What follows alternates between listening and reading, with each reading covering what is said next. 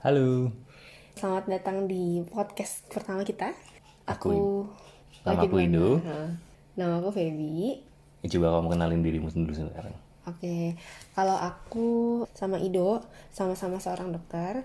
Terus saat ini sih aku jadi ibu rumah tangga ngurusin satu anak, satu kicik umur 4 bulanan. Kalau suami aku coba kamu. Aku Ido, umur hampir 30 tahun. Hampir hampir kepala tiga. yang ngingetin sekalian yang ulang tahun ya, oke. Aku juga seorang dokter. Kebetulan sekarang lagi sekolah di ortopedi di UGM. Nah, jadi kita mau ini berbagi cerita tentang kehidupan sebagai seorang dokter. Dua orang dokter dong. Ya, aku aku sebagai seorang dokter dan kamu sebagai seorang dokter yang kebetulan saat sekarang ini, eh, lagi Jadi ibu rumah tangga. ya ibu Iya. rumah tangga buat ngurus anak kita yang baru lahir 4 bulan yang lalu. Eh, sebenarnya gara-gara ini lagi pandemi sih ya. Kalau misalnya nggak lagi pandemi, mungkin nggak nggak se ekstrim itu aku akan menjadi ibu rumah tangga sepenuhnya untuk untuk ngurusin anak. Ini gimana ya? Pandemi sih. Tapi kalau nggak pandemi juga mungkin kita nggak akan mulai podcast ini ya. Karena mungkin kamu sekarang belum pulang. iya, jadi ya namanya juga residen. Mungkin buat teman-teman yang belum tahu, residen itu adalah terumum yang sudah Terima lulus, gitu ya. kemudian sudah lulus dan bekerja sebagai dokter umum sebelumnya, itu ngambil sekolah lagi, tergantung jurusan apa yang dia sukai. Kebetulan aku di bagian ortopedi atau bedah tulang. Ini buat teman-teman yang belum tahu, bedah tulang itu ngurusin ya macam-macam sih, tapi sebagian besar adalah patah tulang, nyambung tulang yang udah patah, Terus kemudian ada juga tumor ataupun dia kasus Encok-encok gitu gimana tuh dok? encok-encok boleh lah nanti bisa kita bisa diskusi lagi lebih jauh di situ nanti ya. Sakit sakit sakit lutut, sakit sakit ya ganti kaki, ganti ganti gitu-gitu ya. sendi ya semacam itu. Pokoknya kerjaan-kerjaan tukang itu tapi dalam dunia kedokteran itu adalah di ortopedi Ya kalau pokoknya kalau lihat ada dokter biasanya sih kalau uh, cowok berotot, kalau cewek itu strong kelihatannya ya. Terus udah gitu uh, apa namanya perawakannya maco maco gimana keren gitu. tapi itu kan ya bisa jadi kayak gitu cuman itu kan persepsi Iya persepsi banget sih. Tapi dulu aku tuh gara-gara gara-gara aku persepsiku seperti itu karena ada seorang dosen kita yang keren banget kayak gitu ya. Aku tuh kayak kayak dulu sebelum ketemu kamu jauh sebelum uh, pacaran sama kamu ya aku taunya dokter orto tuh keren. Jadi aku kayak pengen deh jadi istrinya dokter orto. tapi ternyata ini ya gemuk-gemuk gini. Belum sesuai ekspektasi. Tapi nggak apa-apa ini kita bisa fitness lagi habis lulus ya. Kalau waktunya udah banyak ya Iya iya bener bener bener. oke jadi ya kita mau ngomongin apa nih udah nih daripada nanti yang dengerin bosen ngomongin kita jadi kita mau coba untuk bahas um, suatu topik di mana hal pertama mungkin buat kita menjadi seorang bapak Dan buat aku seorang ibu buat aku Ya. gitu. Jadi kita mau sharing aja pengalaman kita sebagai seorang bapak baru dan seorang ibu baru yang sebelumnya ya semua orang juga belum ada pengalaman ya pertama kali kita mau sharing-sharing eh, kira-kira kehidupan kita gimana sebagai seorang dokter dalam menjalani dan juga baru punya anak ini. Hmm, Coba deh dari kamu dulu deh. gimana? Yang Gimana mau sih? apa nih kira-kira? Gimana sih eh, rasa yang kamu rasain pertama kali waktu pertama kali kamu tahu kalau kamu tuh hamil? Oh, dari hamil dulu berarti ya. Oke, waktu hamil, waktu tuh hamil pertama tuh gara-gara mual-mual dan sedikit pusing-pusing gak jelas. Tapi terus begitu aku aku aku iseng kayak yang ayo kita temenin aku tes yuk gitu kan. Terus begitu tahu tuh aku kan pertamanya nangis ya. Karena aku waktu itu berpikir bahwa eh, mau nunda dulu gitu kan. Tapi habis itu waktu akhirnya pelan-pelan meresap di dalam hatiku bahwa oh ya aku bakal bakal jadi ibu nih pelan-pelan pelan-pelan ya. Ini sih senang banget sih gimana ya untungnya juga manusia punya 9 bulan ya untuk bersiap-siap karena Menghadapi kalau kenyataan. enggak ya menghadapi kenyataan secara uh, mental dan finansial Ya, jadi yang kamu rasain yang paling yang kamu takutin kalau kamu jadi seorang ibu itu apa? Maksudnya yang senang apa? Yang kamu takutkan juga apa? yang aku takutin salah satunya mungkin mental ya karena maksudnya aku kok masih masih merasa untuk menjadi seorang ibu kan berat banget ya untuk karena kan punya anak itu kan nggak cuma lahiran jebret doang gitu tapi ya gimana kita membesarkan anak itu gimana kita menanamkan nilai-nilai. Dan abis itu yang kedua ya secara finansial karena kan yang kita tahu kan punya anak kan mahal ya kayak gitu sih. Udah deh sekarang gantian deh kamu kamu dulu deh yang, yang kamu rasain waktu tahu aku hamil tuh gimana? Yang aku rasain waktu kamu hamil. Yang aku rasain itu kaget yang pertama. Kaget soalnya ntar lagi bakal ada makhluk hidup lain di kehidupan kita. Ya kalau orang Indonesia itu sebagian besar kan kita lihat sering dicekoki oleh sinetron ya. Jadi definisi seorang bapak ataupun dia dari iklan-iklan dan lain-lain. Definisi seorang bapak itu tinggi menurut aku kalau misalnya kayak lihat dari iklan terus dari sinetron-sinetron itu kayak bapak itu harus, eh, Harus orang yang kayak keren habis itu eh, dewasa banget. Terus kadang-kadang aku mikir aku udah cukup dewasa belum sih di situ? Di situ juga aku sering lihat di sinetron misalnya kadang-kadang kita kan udah dari masa kecil ya. Emang kamu masih nonton sinetron? Atau pernah nonton sinetron? Itu waktu kita itu ke bawah waktu kita kecil itu kayak definisi definisi bapak yang di sinetron kadang-kadang perfect definisinya. Jadi kayak kok aku kayaknya nggak nggak belum bisa ya kayak gitu ya. Kayak misalnya wih ini eh, nasehatin gitu. ya bukan bukan itu misalnya kayak kayak oh udah punya udah punya secara materi udah bagus. Kemudian dari apa perawakan juga kesannya kayak tenang banget pembawaannya. Padahal kan kita kadang-kadang nggak mungkin nggak semua orang ya. Kadang-kadang dari aku sendiri juga kayaknya aku masih anak-anak ya. Kadang-kadang masih Oh iya, masih aku juga gitu. masih masih punya emosi yang buat diriku sendiri tapi ntar lagi sekarang aku udah punya anak di mana aku harus menjadi mikirin orang orang lain. Habis itu aku nggak boleh egois lagi.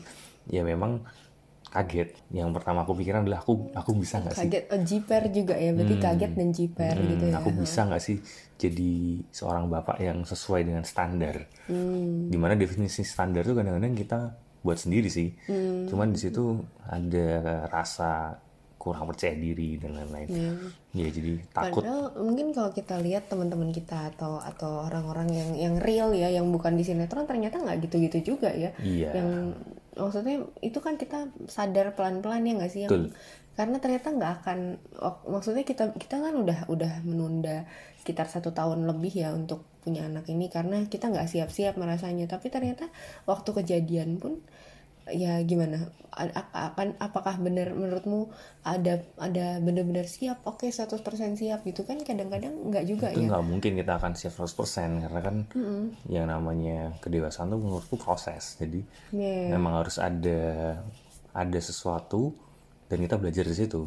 Yaitu yaitu proses learning by doing sih menurut saya menurutku. Jadi ya kita mau mau cerita aja kalau misalnya di mungkin teman-teman mikir kalau dokter itu kaya dokter itu banyak duitnya. Ya itu Iya, mungkin bagi bagi semua gitu ya. Hmm, bagi sebagian besar uh, orang di Indonesia itu mungkin tahunya kalau dokter itu status sosialnya tinggi oke itu memang Hmm. benar ya. Tapi terus kemudian uh, tapi kita nggak juga sih soalnya kita juga sering di dimarahin sama pasien.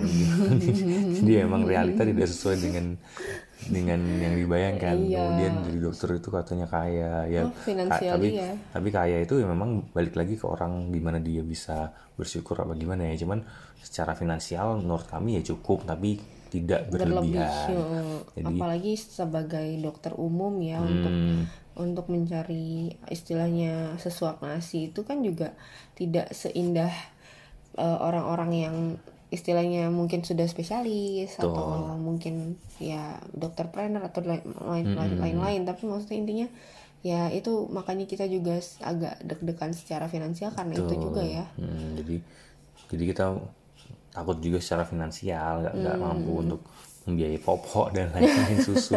Tapi untungnya susunya cuma nasi aja yang penting ngasih ibunya makan makan banyak. Itu berarti makasih makan ibunya ya. Tuh. Jadi eh, perasaan waktu pertama kali sebagai menjadi orang tua itu adalah kaget, kemudian tapi ini jadi senang juga soalnya kan next level, jadi kita menjadi next level atau next step di kehidupan yang baru kan, jadi nggak jadi aku dan kamu, tapi jadi kita dan juga jadi kami. Iya. dan ke mana-mana pokoknya ke mana-mana nggak berdua lagi ya bertiga ya. Mhm. Gitu deh. Kalau misalnya yang beda dari sebelum punya anak sama setelah kita punya anak yang menurutmu paling terasa tuh apa? Kalau menurut aku yang paling terasa itu adalah jarang punya waktu untuk sendiri Iya, atau me time. Ya sama sih kalau misalnya sebelum nikah pun aku punya waktu sendiriku lebih banyak daripada waktu habis nikah. Nah habis punya anak, habis punya anak Wah, itu tambah mahal. lagi menjadi tiga. Dari dulu 100 bagi dua jadi 50 Sekarang 50 bagi dua lagi jadi 25 Mungkin cuma 25% waktu untuk me time Tapi ya ya itu mungkin memang memang ini ya. Iya. Ya semua harus disyukuri. Dan ya senang juga karena ini ada seseorang yang baru di kehidupan gitu loh. Iya ada gak sih perasaan kamu waktu kayak pulang dari rumah sakit terus kayak mau lihat anak tuh kayak nggak sabar atau atau misalnya kayak di pas di rumah sakit aduh kangen juga ya sama anak gua gitu. Itu sih selalu. Ada soalnya ya? Kangen banget soalnya kan kita udah udah ketemu dari pagi sampai malam misalnya waktu libur gitu. Lihat tingkahnya dia gimana lucu-lucunya. Terus milestone dia atau perkembangannya. Kalau kita ya hari ini yang baru gitu. Iya, apalagi kalau misalnya dia udah bisa diajak komunikasi, udah ngerti kita tuh ada, itu bener-bener jadi attach. Jadi kayak ya tiga jam sekali tuh rasanya pengen lihat dia lagi ngapain gitu. Hmm, iya iya Ido sering banget nih mana Rie mana Rie Tapi menurutmu yang yang paling yang paling berubah dari kehidupanmu apa sih? Iya kalau aku sih itu sih yang satu waktu ya karena kan maksudnya secara aku yang stay at home mom berarti aku akan maksudnya ya secara satu pandemi ya kita nggak eh, kita posisi jauh dari omanya Rie yang biasanya bantu kan memang oma-oma ya. Itu omanya Rie jauh satu. Jadi nggak ada yang bantu. Yang kedua karena lagi pandemi jadinya kan agak takut untuk ngambil yang riwang atau babysitter atau neni itu agak serem ya. Jadi otomatis kan cuma aku doang nih yang di rumah. Mungkin dengan sesekali bantuan kungkungnya Rie sama eh, yang buyutnya Rie di rumah. Cuma intinya kan sebagian besar sama aku sehingga ketika istilahnya mau ke kamar mandi aja nih cuma mau pipis aja itu tuh susah banget.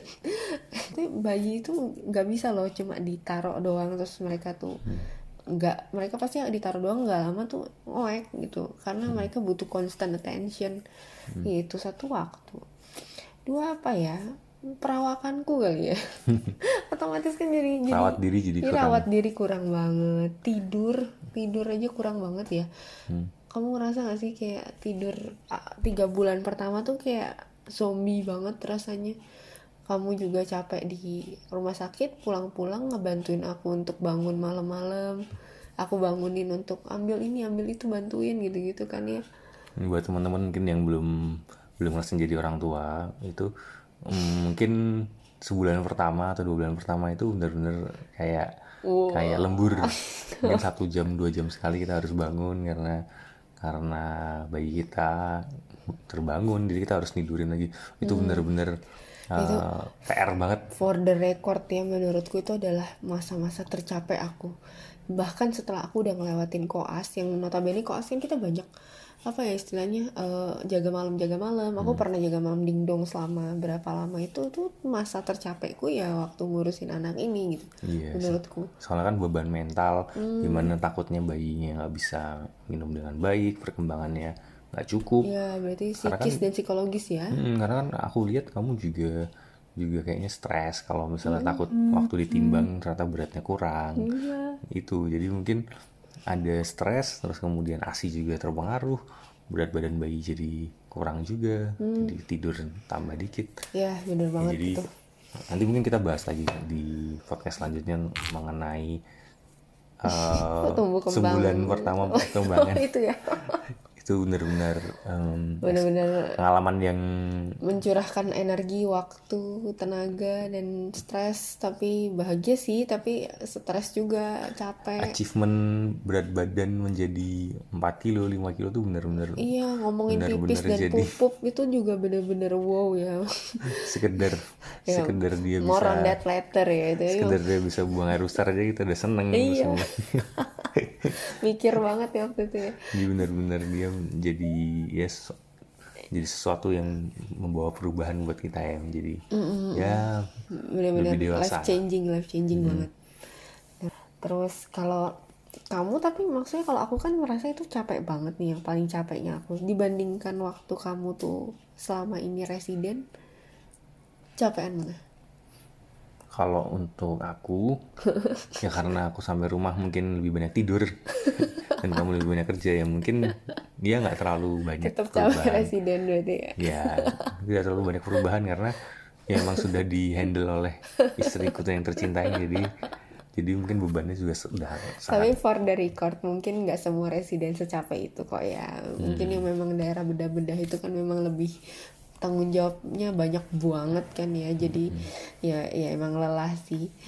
Jadi wajar lah kalau Ido sebagai residen dan sebagai istri residen pun menurutku aku juga harus eh, dari lama aku udah punya persiapan mental bahwa oh ya aku akan menjadi seorang istri residen dan akan punya anak selama kamu residensi itu berarti ya anakku dan kamu ini akan banyakan di aku. Ya nggak sih yang maksudnya itu persiapan mental karena aku tahu kehidupannya seperti itu jadi itu akan lebih mudah gitu. Aku eh, karena udah tahu jadi aku tidak tidak berusaha untuk tidak banyak menuntut kamu untuk terlibat. Karena ya gimana ya kamu udah pasti capek eh, di rumah sakit dan begitu pulang kan nggak banyak waktu lagi ya. Mungkin buat teman-teman yang mungkin sekarang punya pacar seorang dokter mungkin kamu bukan seorang dokter mungkin kamu harus harus tahu bahwa kehidupan dokter itu mungkin beda beda dari kehidupan orang normal. Yang bekerjanya bukan dari pagi sampai sore tapi kerjanya dari pagi sampai pagi ya apalagi kalau misalnya pasangan kamu nantinya mau sekolah lagi atau di residen definisi namanya residen itu sendiri kan udah sudah residen itu kan berarti penghuni. Tidur di situ. Penghuni di rumah sakit. Ya berarti mungkin hampir ya 80% waktu atau 70% waktu tuh lebih banyak di rumah sakit daripada di rumah. Jadi iya. buat teman-teman yang mungkin sekarang punya pasangan dia mungkin harus belajar atau lebih mengerti pasangan ya kalau misalnya memang kamu yakin sama dia. Aku inget banget tuh waktu pertama kamu keterima tiba-tiba udah siap koper aja. Loh mau ke mana? udah, udah mau tinggal di rumah sakit ya. Iya, jadi ya itu suka dukanya sebagai orang residen. Terus? menurutmu eh, adanya oh iya kita belum belum ngasih tahu ya nama anak kita itu Rie. Iya ya ampun kok malah lupa ya Namanya Jepang banget ya, Iya Rie. sebenarnya dari Ariel lah ceritanya tapi karena waktu itu bapaknya "Hmm, pengen punya nama anak yang agak Jepang-Jepang gitu terus kebetulan ada ngelihat di YouTube ada satu uh, chef yang uh, cantik dia orang Jepang tapi tinggal di Amerika dan panggilannya Rie terus uh, pas banget emang lagi kepikiran nama Ariela jadinya tengahnya ada Rie jadi kita langsung sepakat oke lah pokoknya nama pertama yang kita sepakat tuh adalah nama tengahnya itu panggilannya itu yaitu Ariela atau Rie Mm-mm. gitu Dan cita-cita kita moga-moga bisa bawa Rie ini ke Jepang. amin Biar ketemu sama teman-temannya kali ya. nggak tahu sih mungkin ada nggak sih teman-teman di sini yang eh, tinggal di Jepang? Atau misalnya em, pernah ke Jepang? Rie itu nama yang lazim nggak sih di Jepang tuh? Pengen tahu deh aku. Karena biasanya kan orang Rei atau siapa ya? Kay- Makoto Kayaknya aku siapa? sering dengar sih kalau Rie. Iya ya, coba nanti kita tanya pendapat teman-teman siapa tahu ada yang ada yang dengar siapa tahu ada yang siapa tahu ada yang dengar dan dan ngerti gitu. Hmm. Mau ya di komen kalau ada kayak gitu. Oke deh kayaknya kita udah lumayan lama nih yang ngobrolnya. Ya lumayan obrolan obrolan malam. Obrolan malam. Ya karena kita cuma bisa ngobrolnya pas malam-malam. Iya waktu Rie lagi bubuk. Di sinilah waktu kita Iya deh. bisa ngobrol, bisa berbagi pikiran. Iya, ya waktu-waktu waktu jam dewasa ya, waktu orang dewasa. Karena ah, susah banget kalau misalnya pas lagi Ria bangun Hmm. oke lah kalau gitu kita sudahi saja supaya kita bisa tidur Kayaknya masih banyak topik yang mungkin bisa kita bicarakan nanti habis ini. Yang mungkin bisa menjadi masukan buat teman-teman yang denger. Tapi kalau teman-teman mungkin juga punya masukan buat kita, mungkin bisa share juga. Hmm, bisa share ke kita terus kalau enggak enggak enggak kita enggak enggak ada informasi baru juga ya semoga aja menghibur ya buat kamu Mm-mm, Nambah-nambah, nambah-nambah suara. Iya. Oke lah kalau gitu mudah-mudahan pandeminya cepat berakhir dari kita. Semoga Bye-bye semua dulu. sehat. Semoga semua sehat. Dadah. Dah.